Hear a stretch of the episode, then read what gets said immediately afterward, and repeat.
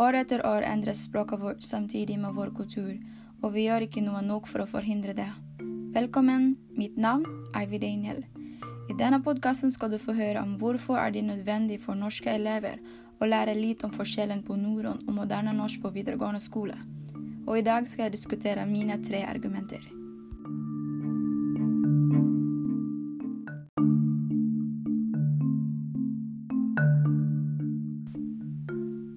Det er veldig viktig at elevene må vite at moderne norsk er knyttet til neuronspråk.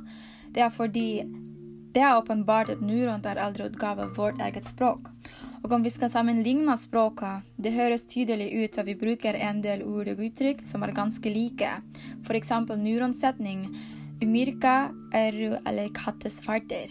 Og greier man å forstå det fordi det høres ut som vanlig norsk uttrykk I mørka er alle katter svarte. Annet eksempel er at vi bruker rester av gassosformer i en del norske standardsuttrykk. Og gassosformer er jo knyttet til ordklassene substantiv, adjektiv, determinativ osv.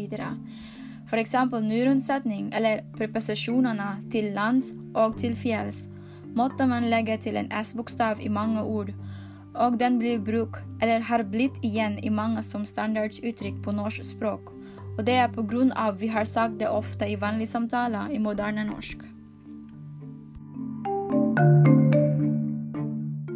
Det kan være nyttig å lære forskjellen mellom norrønt og moderne norsk pga. den utvider våre kunnskaper om vår egen kultur i fortiden. Selv om norsk språk har utviklet seg i mange år, og at vi bruker ikke lenger norrønt språk, er det ikke så farlig å lære noe nytt. Og den som er lurt å lære på, er f.eks. de tre bokstavene av norrønt språk som ble brukt før i norrøn tid. De tre bokstavene er å-lyd og med kvist, ø-lyd og de to stemte og ustemte thø-lyd. Andre eksempler i moderne norsk er det ordstilling som er viktig. I setningen 'Mario slår Luigi' er det Mario som slår Luigi, og Luigi som blir slått. Og i setningen 'Luigi slår Mario' er det motsatt mens på nyrene er det utstillingen ikke så nøye. For eksempel Mario jo Luigi og Luigi jo Mario. Begge de to setningene her betyr akkurat samme, selv om rekkefølgen er ulik. Det er fordi den som får R-bokstav, er den som slår eller som er subjekt. Kunnskapene om ulikheten mellom moderne norsk og norrønt språk kan være lurt å lære på. På den måten kan vi bevare gammel norsk kultur som norrønt.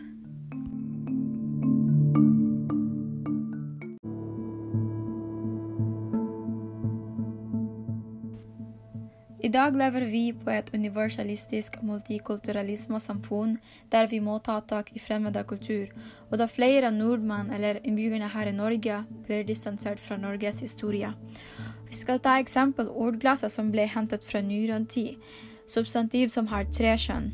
Hangkjønn, armrin som betyr armen, hungkjønn bygdin som betyr bygda, og intetkjønn huset som betyr huset og eventuelt blir den for andres pga. nye ord blir oppdaget, som f.eks. hen, som kan enten være hunksjon eller hangsjon.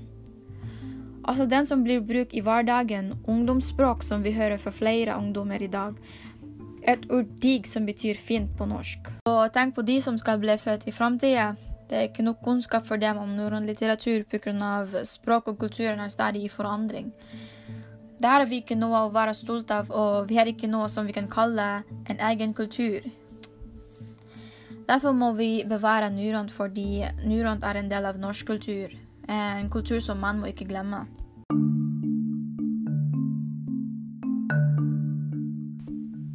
Moderne norsk og norrønt er stort sett like språk under utviklingen på mange år.